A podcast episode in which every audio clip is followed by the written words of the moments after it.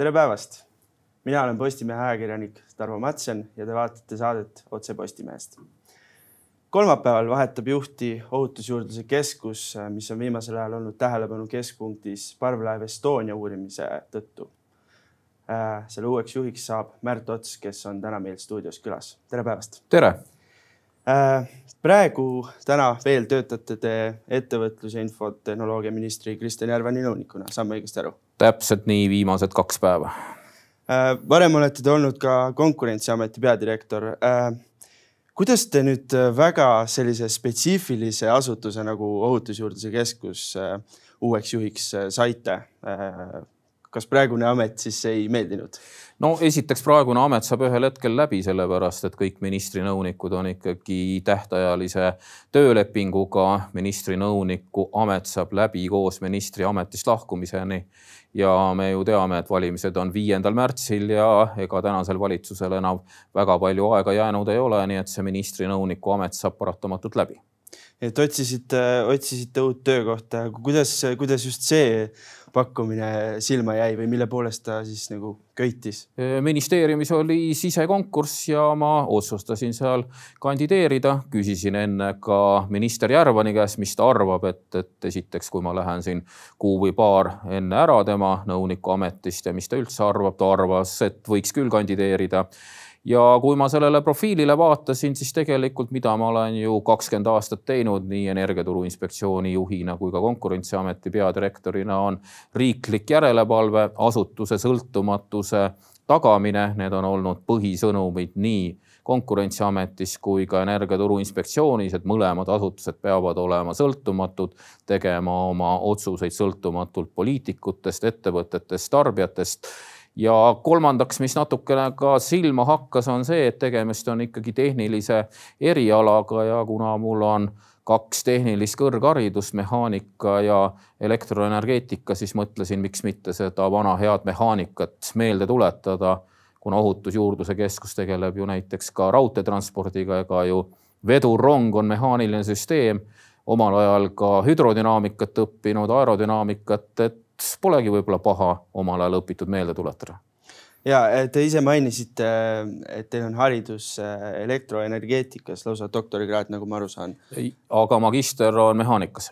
jah, samuti on teil kogemus, pikaajaline kogemus avalikus sektoris. Teisalt teil ei ole sellist merendus, lennundus, nii-öelda transpordialast haridust ega ka äh, otsest kogemust või ma eksin?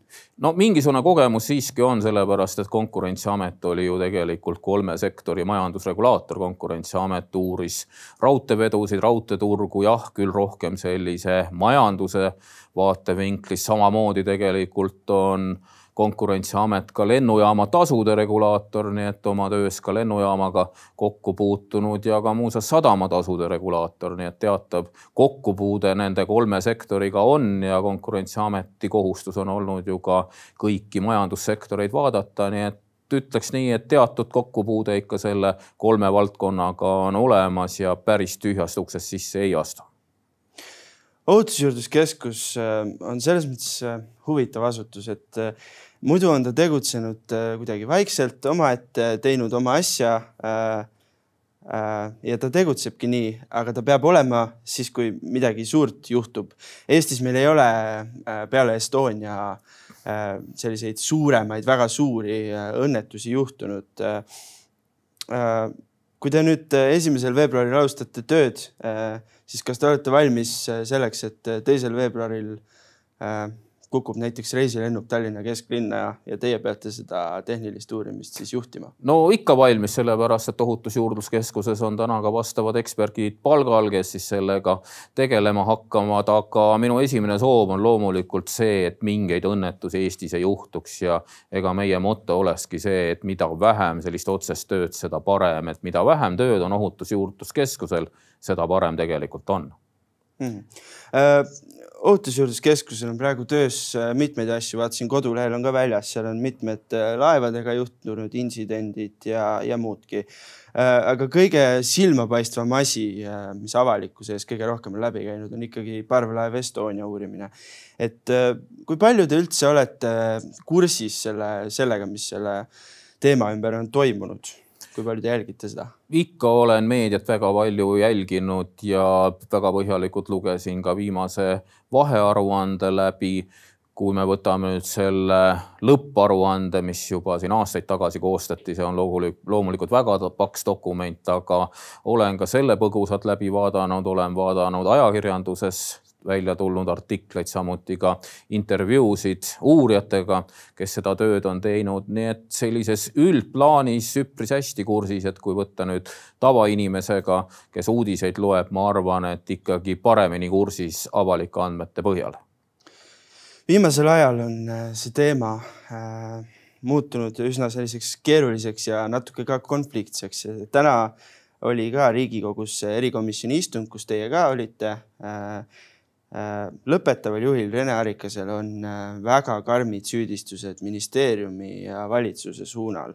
et mis mulje see kõik teie jaoks on jätnud ja kuidas, kuidas te vaatate arvan, et tuleb alustada ikkagi nullist ehk puhtalt lehelt, et kui ma sinna asutusse lähen, kõigepealt tuleb ikkagi üle vaadata, millised on ülesanded, kui hästi on ametikohad täidetud, milline on eelarve, sest tegelikult Ohutusjuurdluskeskusel on ju kaks eraldi eelarvet, üks on tema igapäevane töö ja teine on Estonia juurdlus. Ja kindlasti, mis puudutab Estonia juurdlust, see on pikk, põhjalik üpris suure eelarvega projekt, seal tuleb teha täpne audit, mida on tehtud, millised lepingud on sõlmitud ja kindlasti järgmine samm on väga täpne ajakava, plaani tegemine, mida tuleb teha, kui palju uurida, kas on vaja küsida äh, lisarahastust juurde.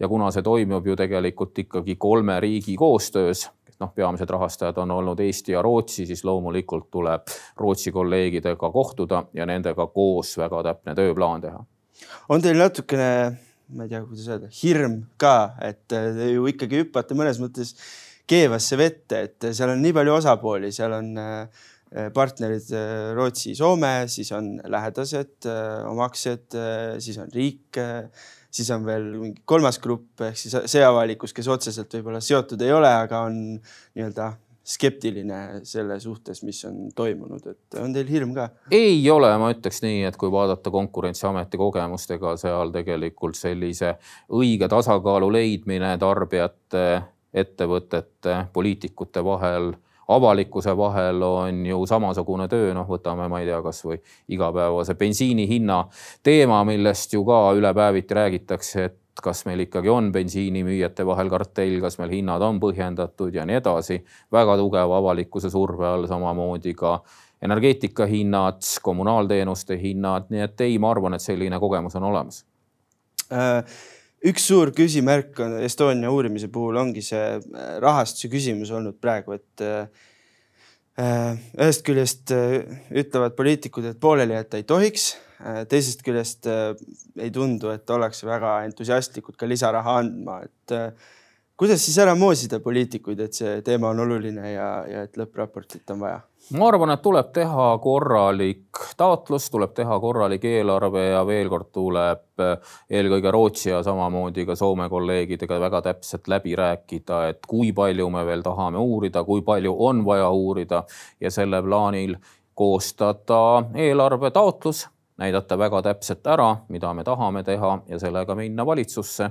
ja loomulikult järgmine samm on siis valitsuse otsus. me elame õnneks demokraatlikus riigis, kus vastavad otsused teeb parlament, valitsus ja kokkuvõttes sõltub ju kõik ikkagi parlamendi ja valitsuse otsusest, kuivõrd palju, kuivõrd sügavalt me tahame sellega edasi minna. ohutusjuurdluse keskuse ülesanne on näidata ära isi, e-, erinevad variandid ja samuti näidata ka ära, mis on eelarve vajadus. saan ma õigesti aru äh,? Tähendab, vaheraportis on eraldi peatükk, kus on välja toodud asjad, mida peaks nüüd edasi tegema, et teie lähete praegu ikkagi selle pilguga, et vaatate nii-öelda need asjad üle, et kas neid ikkagi on vaja teha? no kindlasti ma vaatan need üle, kindlasti ma vaatan üle tänase eelarve seisu, aga veel kord, kuna tegemist on rahvusvahelise projektiga ja kuna ta toimub väga tihedas koostöös Soome ja Rootsiga, siis kui mõlemad osapooled on samasugusel arvamusel, et selle vahearuandes välja toodud uurimisteemadega tuleb edasi minna, siis minu jaoks on see ikkagi väga tugev signaal ja seda tuleks teha. Üks selline provokatiivne küsimus teile, et praegu on ära tehtud suur töö, me teame rohkem selle laevaõnnetuse kohta kui kunagi varem. see vaheraport oli ju tegelikult ikkagi suhteliselt selline informatiivne ja ütles päris mitmeid asju, seda, et Estonia ei olnud merekõlbulik ja seda, et praeguste tõendite põhjal ei saa nii-öelda siis ei, ei, miski ei viita plahvatusele ja miski ei viita kokkupõrkele. paljud ütleksid selle pinnalt, et, et ei ole mõtet anda enam maksumaksja raha sellele, et kõik on selge. et mida teie arvate? no mina ütleks veel kord, demokraatlikus riigis nagu Eesti on, ei saa üks inimene selliseid otsuseid teha ja Ohutusjuurdluskeskus ka ei saa selliseid otsuseid teha. mida Ohutusjuurdluse Keskus saab teha? veel kord rääkida läbi meie Soome-Rootsi kolleegidega, mida nemad soovivad, milline on nende nägemus ja viia valitsusse erinevad alternatiivid ja kokkuvõttes demokraatlikus riigis, kui Ohutusjuurdluse Keskuse juhataja otsustaks miljonite üle, siis me oleksime ikkagi pigem vist diktatuur ja mitte demokraatlik riik, et see, sellised otsused tuleb teha ikkagi demokraatlikul alusel, mida keskuse juhataja, keskus saab teha, on erinevad variandid välja käia. aga rahaeraldused, avaliku rahaeraldused peavad olema ikka väga selgelt demokraatlikud otsused räägime natukene Ohutusjuurdluskeskusest, äh, tema, tema definitsioonist ja tema rollist, et äh, tänasel erikomisjoni istungil äh, tuli ka jutuks see, et, et Ohutusjuurdluse Keskus võib-olla võiks panna mõne teise ministeeriumi alla, et mida teie arvate sellest? Ma arvan, et see on selles suhtes õige mõte ja kindlasti see on selles suhtes õige idee, et tuleks vaadata, millise ministeeriumi all ei oleks huvide konflikti, mida ka täna kantsler Kuningas tõi välja, on ikkagi see, et kuna Ohutusjuurdluse Keskus peab aeg-ajalt tegema järelevalvet ministeeriumi kui enda suhtes, kuna ministeeriumis on ju merenduspoliitika, ministeeriumis on ka transpordiamet ja nii edasi, siis loomulikult selleks, et vältida igasugust huvide konflikti oleks mõttekas kaaluda varianti, et ta oleks mõne teise ministeeriumi haldusalas ja sellega oleks ka tema sõltumatus paremini tagatud. ma arvan, et sellega tasuks tegeleda ja mõte on hea. Ja teine pool on äh, kõiksugu seadusandlus, mis Ohutusjuurdluskeskuse ümber on, et äh, kui, kui palju te olete sellega ennast kurssi viinud, näiteks see, et äh, osasid tegevusi, nagu ma aru saan, reguleerib lennundusseadus ehk siis lennundusseaduses reguleeritakse ka asju, mis nii-öelda juhtumeid, mille uurimine puudutab hoopis laevandust Äh, ja osad asjad on üleüldse ministri määrusega reguleeritud, et kas, kas Ohutusjuurdluse Keskuse puhul peaks äh, ka seadusandluses tegema mingid korrektuurid või, või täpsemaks seda asja tegema? no veel kord, et siin tuleks äh, teha koosolek ja maha istuda eelkõige Majandus-Kommunikatsiooniministeeriumiga, kuna nemad ju vastutavad selle valdkonna eest läbi rääkida, mis need paremad variandid oleksid. noh, loomulikult üks variant oleks teha täiesti eraldi seadus mis käsitlekski ainult ohutusjuurdluse uurimist, kus siis vastavad valdkonnad oleksid sees. teine variant oleks vaadata korra üle need kolm seadust, mille alusel täna ohutusjuurdlus on reguleeritud, lennundus, merendus, raudtee ja nende osas mingisuguseid parandusi teha, täiendusi teha. aga ma arvan, et kindlasti see on igatepidi teretulnud ja uue Ohutusjuurdluskeskuse juhina kindlasti tahaksin sinna protsessi ka panustada. kui me saaksime asja seadusandlikumalt paremaks, on see igati teretulnud ja võib-olla tõesti kõige läbipaistvam olekski teha eraldi seadus kus siis oleksid täpsed funktsioonid, sõltumatus, rahastamise mudelid kirjas, et võib-olla see kindlasti annakski palju juurde. sest praegu on, on näiteks selle rahastuse puhul tekkinud segadus, et, et oodataksegi kogu aeg valitsuse nii-öelda konkreetset otsust ja peavad nii-öelda ohutusjuurdluskeskus peab käima eraldi seda äh, küsimas siis nii-öelda. ja kindlasti, et kui võtta siin Energiaturu Inspektsiooni või Konkurentsiameti äh, kogemus, siis väga oluline on kindlasti see, et sõltumatul regulaatoril, sõltumatul asutusel on olemas oma täpselt defineeritud eelarve. ja veel kord poliitilised otsused, aga noh, kui me vaatame kogu seda rahalist panust, palju täna Eestis ohutusjuurdlusele pannakse, see on alla kahesaja, pisut alla kahesaja tuhande euro. noh, ma arvan, et see number tuleks ka kindlasti ministeeriumiga läbi rääkida. Ja veel kord poliitilised valikud, poliitilised otsused, aga kui me tahame, et ohutusjuurdlus oleks Eestis paremal tasemel, kõrgemal tasemel, siis kindlasti võiks kaaluda sellele rohkem raha eraldamist. Et üks asi, mis tundub olevat, võib-olla see ongi siis tingitud sellest seadusandluse probleemist, et et ohutusjuurdluskeskust vaadeldakse natuke erinevalt, et ja, ja sealt võib-olla võib otsida ka selle praeguse tüli allikaid, et, et endine juht Rene Arikas vaatles ohutusjuurdluskeskust kui prokuratuuri, Kaitsepolitseiametit, sellist tõsist uurimisasutust, mille ülesandeid nii-öelda peaks poliitikud siis täiega toetama. Ja ministeerium ja poliitikud vaatasid seda kui sellist tavalist ministeeriumi allasutust no ma arvan, et võrrelda nüüd Ohutusjuurdluskeskus prokuratuuri, kaitsepolitseiga on natukene gigantomaania, et kui me vaatame ikkagi suurust ja nende olulisust, siis see võrdlus ei kannata välja ikkagi, kuigi prokuratuur ja kaitsepolitsei on kahtlemata eri suurusega asutused. ohutusjuurdluskeskuses on seal neli, viis, kuus inimest, et jah, esiteks see ei kannata võrdlust suuruses välja. aga teiseks veel kord, mis puudutab sõltumatust, siis noh, siin saabki tõmmata paralleeli kahe sõltumatuse sõltumatuse vahel. üks sõltumatus on see, kui nüüd tõesti keegi tuleb väljaspoolt ütlema, et sa pead kirjutama õnnetusjuurdlusesse mingid teistsugused faktid. no ma olen üpris kindel, seda Eestis kui demokraatlikus riigis juhtunud ei ole ja ma arvan, et kui selline asi juhtuks, oleks ta homme ka Postimehe laual ja luban ka seda, et kui minule mingi selline asi tuleb, siis Postimehe see toimetus on üle tee, eks ma siis tulen kohe teie juurde seda selles suhtes kaebama, et siin kindlasti jookseb punane liin, et kui me ohutusjuurdlust teeme ja näiteks ütleme, et, et ma ei tea, õnnetuse põhjuseks oli katkine kuullaager ja keegi tuleb, ütleb, kuule, kirjuta parem sisse, et katkine neet, siis noh, loomulikult sellises kohas on punane joon ja Ohutusjuurdluskeskus oma sisulises töös peab olema absoluutselt sõltumatu. kui me selle ära kaotame, noh, mis siis juhtub, siis juhtub seda, et me oma lennuõnnetuste või lennuohutuse, laevaohutuse, rongiohutusega laskume kohe mitu pügalat allapoole, et selline sisulise töö sõltumatus peab olema tagatud ja ma olen üpris kindel, see on ka täna tagatud. mis nüüd puudutab sellist igapäevast administratiivset juhtimist palgakorraldus, palkade suurust ja nii edasi. noh, siin tuleb leida selline korralik balanss, et mida ma oskan öelda endise riigiasutuse juhina on see, et meil on tegemist ikkagi riigieelarvelise avaliku rahaga, see on maksumaksja raha. seda raha tuleb korralikult kasutada, selle kasutamine peab olema heaperemehelik, sihtotstarbeline ja maksimaalselt säästlik ehk kuna meil on ikkagi usaldatud avalik raha, siis me peame seda säästlikult kasutama ja siin selles suhtes, et kui ministeeriumis või ministeeriumi haldusalas on mingid kindlad reeglid sätestatud, siis seda peab ikkagi haldusalas olev asutus väga täpselt täitma. noh, võtame kasvõi näiteks Konkurentsiameti, mis on ju täiesti sõltumatu justiitsministeeriumis aga kui justiitsministeeriumi haldusala üldine kord näeb näiteks ette hangete korra inimeste töölevõtmise korra.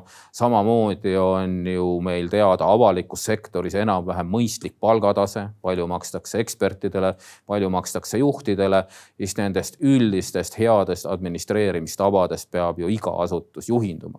ega nendest juhindub ju ka prokuratuur täpselt samamoodi, ka nemad on ju riigihanke kohuslased, nemad peavad ju värbama ju konkursiga inimesi tööle peavad maksma palka vastavalt avalikule sektorile ja võib-olla Kaitsepolitseiametil on siin tõesti mingisugused erisused seadusega ette nähtud, neil peavadki olema.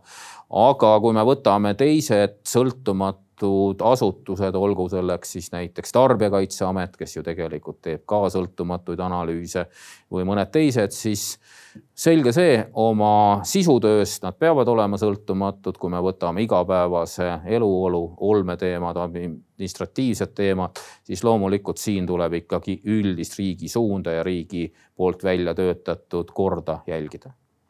Äh, ma saan küll aru, et äh, te ei ole veel äh, alustanud tööd, aga siiski te mainisite personaliteemasid, et praegu on Ohutusjuurdluse Keskus või siis nii-öelda oli kui, kui nüüd see vahepealne inimeste lahkumine välja arvata, siis Ohutusjuurdluskeskus palkas Estonia uurimiseks eraldi projektimeeskonna. Te mainisite ise ka, et selles asutuses ei ole tegelikult kuigi palju töötajaid. Estonia uurimine on selline selline projekt, mida võib-olla isegi maailmas ei ole kunagi tehtud, et kakskümmend kaheksa aastat hiljem äh, proovitakse siis äh, laevahuku põhjuseid äh, välja selgitada, et kuidas teile praegu tundub, et kas, kas seda Estonia uurimist peaks edasi vedama nii-öelda projektimeeskonnaga või siis tuleb lihtsalt piirduda nende töötajate ja töökohtadega, kes siis ohutusjuurdluskeskuses on? ei, ikka seda kindlasti tuleb edasi vedada projektimeeskonnaga, et kui me tahame ikkagi nõnda suure, suures mahus seda edasi uurida, nagu ta kavas on ja veel kord, kui me vaatame ka meie naabreid Rootsist, Soomest, et, et et kuidas nemad seda tööd teevad, loomulikult seal peab olema eraldi projektimeeskond, et tänase ohutusjuurdluskeskuse meeskond võib seda koordineerida kaugelt, aga selge see, et selleks eraldi projektimeeskond kindlasti olemas, olema peab. ilma selleta kindlasti ei vea välja, see on selge. Äh, küsin veel ühe kiusava küsimuse. Äh, miks te arvate, miks teie just selle ameti saite? Ma ei oska öelda, ma arvan, et, et üks põhjus on see, et mul on ikkagi selline pikaajaline järelevalvekogemus et kui me vaatame ikkagi minu endist karjääri ja võtame siis Konkurentsiamet, ega Konkurentsiamet ju tegelikult teeb täpselt samasugust järelevalvet ja sõltumatut järelevalvet. Võtame kasvõi mingi näite, kui on tegemist turgu valitseva seisundi kuritarvitamisega, siis seal peab olema täpselt samamoodi tagatud ju sõltumatus. on ju täiesti mõeldamatu, et Konkurentsiamet näiteks avastab kartelli, leiab, et ütleme, ettevõte A ja B on hindades kokku leppinud või ettevõte C näiteks kiusab oma konkurenti variante on ju täiesti mõeldamatu, et keegi poliitikast või ministeeriumist tuleb ja sosistab, kuule, et seda A-d ja B-d uuri, aga seda C-d ära uuri et seal me tunneme kedagi või meil on mingid poliitilised huvid ja täpselt samamoodi poliitikas sõltumatu peab olema ka ohutusjuurdluskeskuse uurimine, tehniline töö. ma arvan, et see võis olla üks põhjus, et sellise sõltumatu asutuse juhtimise kogemus on mul olemas ja veel kord, kui me võtame sõltumatu asutuse administreerimist, mis peab ikkagi üldisesse riigisüsteemi mahtuma, siis siin on ka Konkurentsiametil ja Ohutusjuurdluskeskusel üpris palju analoogiat. Et äh, ei tahaks küll võrrelda, aga äh, Arikase puhul ju sai praegu saatuslikuks see äh,, et ta läks äh, nii-öelda poliitikute ja ministeeriumiga tülli, sellepärast et ta äh, ta tegi liiga palju lärmi. Äh, ta lahkus küll ise, äh, ütles, et ei saa niimoodi edasi töötada, aga noh, on selge, et tüliga ei saagi keegi töörahu on kadunud, eks ole. et äh, kui nüüd küsida selline kriitiline küsimus. Kui ma ütlen, et teie, teid taheti ametisse just seetõttu, et teie ei hakka avalikkuse ees sellist lärmi tegema, kui te näete, et on midagi valesti ma arvan, et kui ma näen midagi valesti, siis ma ikka teen lärmi, et võtke kasvõi minu endised intervjuud, mis ma siin Postimehele olen andnud, kui ma olen ikka näinud, et riigis on jah, oma endises töös majanduskorralduses ikkagi midagi väga-väga viltu, siis ikkagi lärmi tuleb lüüa ja noh, veel kord, et kui me võtame Estonia uurimise või ohutusjuurdluskeskuse töö, ma ütleks niimoodi, et see on selline kiretu tehniliste süsteemide uurimise töö ja loomulikult, kui selle uurimise käigus tuleb välja, et on tehtud vigu, siis need vead tulebki avalikustada. noh, kui me võtame kasvõi väga hea näite on lennundussektor Euroopa Liidus või kolmandas maailmas, no jumal tänatud, Euroopa Liidus me ikkagi näeme selliseid raskeid lennuõnnetusi, no mis me näeme iga viie aasta tagant, sülitan üle õla, võib-olla ei tulegi neid enam ja miks neid ikkagi ei ole, on see, et kõik uurimisraportid on tehtud sõltumatult Nad on avalikustatud ja me ütleme väga selgelt, miks, mis ühel või teisel lennukil oli viga, mis lennuki juhtimises oli viga, mida me saame parandada, paremaks teha. ja täpselt samamoodi peame ka meie ohutusjuurdluskeskuses toimetama, kui me näeme kasvõi näiteks Estonia puhul, et mingid uued asjaolud tulevad, siis loomulikult me ei tohi neid maha vaikida. me peamegi avalikkusele oma raportites väga selgelt välja ütlema, et õnnetuse põhjused olid need, need, need ja peame ka näitama ära, mis võiksid olla tulevikus need meetmed, kuidas me saaksime paremaks teha, et selliseid õnnetusi enam iial ei tuleks. mis te arvate, kas äh, praeguse uurimise lõppraport äh, üldse ilmub? ikka ilmub, ma arvan, et kuna see vahearuanne on tehtud ja kuna uurimine on ikkagi pooleli, siis on selge see, et me lõppraporti peame tegema kui suur on siin Eesti panus, jah, sellele ma tõesti ei oska öelda, see sõltub rahastamisest, väga palju ka. Rootsi poole rahastamisest, võib olla ka näiteks nii, et rootslased on valmis rohkem rahastama kui eestlased senini. noh, täna ka härra Arikas tõi välja, et on vaja veel teha mere alla mingi ühte ja teist sukeldumisi, on võib-olla vaja tuua välja ramp, uurida selle metalli ja nii edasi, siis ma ka ei välista üldse sellist võimalust, et näiteks Rootsi finantseerib seda projekti võib-olla järgmises faasis pisut enam kui Eesti. aga lõppraporti me ikkagi kolme riigi peale teeme, et siin kindlasti ei saa olla mingisugust võimalust, et me lõppraportit ei koosta. töö on pooleli, töö tuleb ära lõpetada, lõppraport loomulikult tuleb teha siin on palju kostnud äh, seda sõna sõltumatus. Ähm, ja teie ise rääkisite, rääkisite ka sellest näitest, et äh, kui mõni poliitik tuleb ja ütleb, et äh, raportis peaks olema selline või selline punkt. aga, aga teine külg on see, mille üle siis praegu arutatakse või mille üle praegu see tüli käib. kas, kas see on sõltumatuse nii-öelda rikkumine või, või sõltumatuse takistamine kui äh, eelarveliste vahenditega nii-öelda üritatakse seda alla tõmmata? no see sõltub loomulikult, millises konkreetselt kont kontekstis me räägime, noh, ütleme niimoodi, et kui homme näiteks Ohutusjuurdluskeskuse eelarve tehakse nulli, noh siis see on loomulikult sõltumatuse takistamise. see on signaal, et me ei taha enam nii palju selle asjaga tegeleda. kui me võtame nüüd konkreetset Estonia projekti, siis ma ütleks veel kord, nagu ka täna härra Arikas ütles, et tegelikult äh, Äh, vaheraportis mitte midagi uut välja ei tulnud. et vaheraportis tulid välja täpselt need samasugused õnnetuse asjaolud, nagu on olemas ka põhiraportis. ja nüüd ongi see, ma ütleks, selline matemaatiline tõenäosus. loomulikult on alates matemaatikas olemas selline tõenäosus või matemaatiline tõenäosus, et õnnetusel olid teised põhjused ja eks siin ongi selline valiku küsimus, kuivõrd palju me veel tahame neid võimalikke teisi argumente, teisi võimalusi kontrollida, kui me tahame sinna palju-palju rohkem süvitsi minna, siis tuleb sinna rohkem raha eraldada. kui me tahame pigem põhineda sellele, kuivõrd palju täna neid uurimisi on tehtud, kui või natukene juurde uurida, siis on tegemist teistsuguse rahasummaga. nii et kokkuvõttes ma ütleks ikkagi niimoodi, et, et, et mingisugune raha, ma arvan, et kindlasti eraldatakse kas see raha on nüüd ütleme neli miljonit, viis miljonit, üks miljon, siin on ikkagi väga suuresti minu jaoks poliitilise valiku küsimus ja võib olla ka näiteks selline variant, et eraldatakse miljon, uuritakse veel põhjalikult ja selle miljoni eest leitakse uusi asjaolusid. ja kui siis uute asjaolude leidmisel enam rohkem raha juurde ei anta. ja siis ma ütleksin küll, sellisel juhul on tegemist väga suure sekkumisega sõltumatusesse, et näete, uurimiskeskus tõi välja siin uued asjaolud, neid tuleb täiendada, neid tuleb veel uurida ja nüüd raha ei anta aga kui me võtame tänase vaheraporti, siis ka ju tänases vaheraportis on öeldud, et uusi asjaolusid välja tulnud ei ole. lõpetuseks mis te arvate, mida on nüüd vaja, et kogu see asi rahuneks ja saaks rahulikult äh, uurimisega edasi minna? Ja mis te arvate, kas, kas see on üldse võimalik, sellepärast et selle teemaga on ju nii-öelda probleemid, skandaalid, äh, tülid kaasnenud alati kakskümmend kaheksa aastat. No ma arvan, esimene asi on sügavalt sisse hingata ja mõelda, mis me edasi teeme. loomulikult minu töö on teha audit, vaadata, kui palju on täna tehtud ja teha siis tulevikuplaanid, teha tuleviku kohta eelarve ja proovida loomulikult kogu selles projektis saavutada, ütleks töörahu.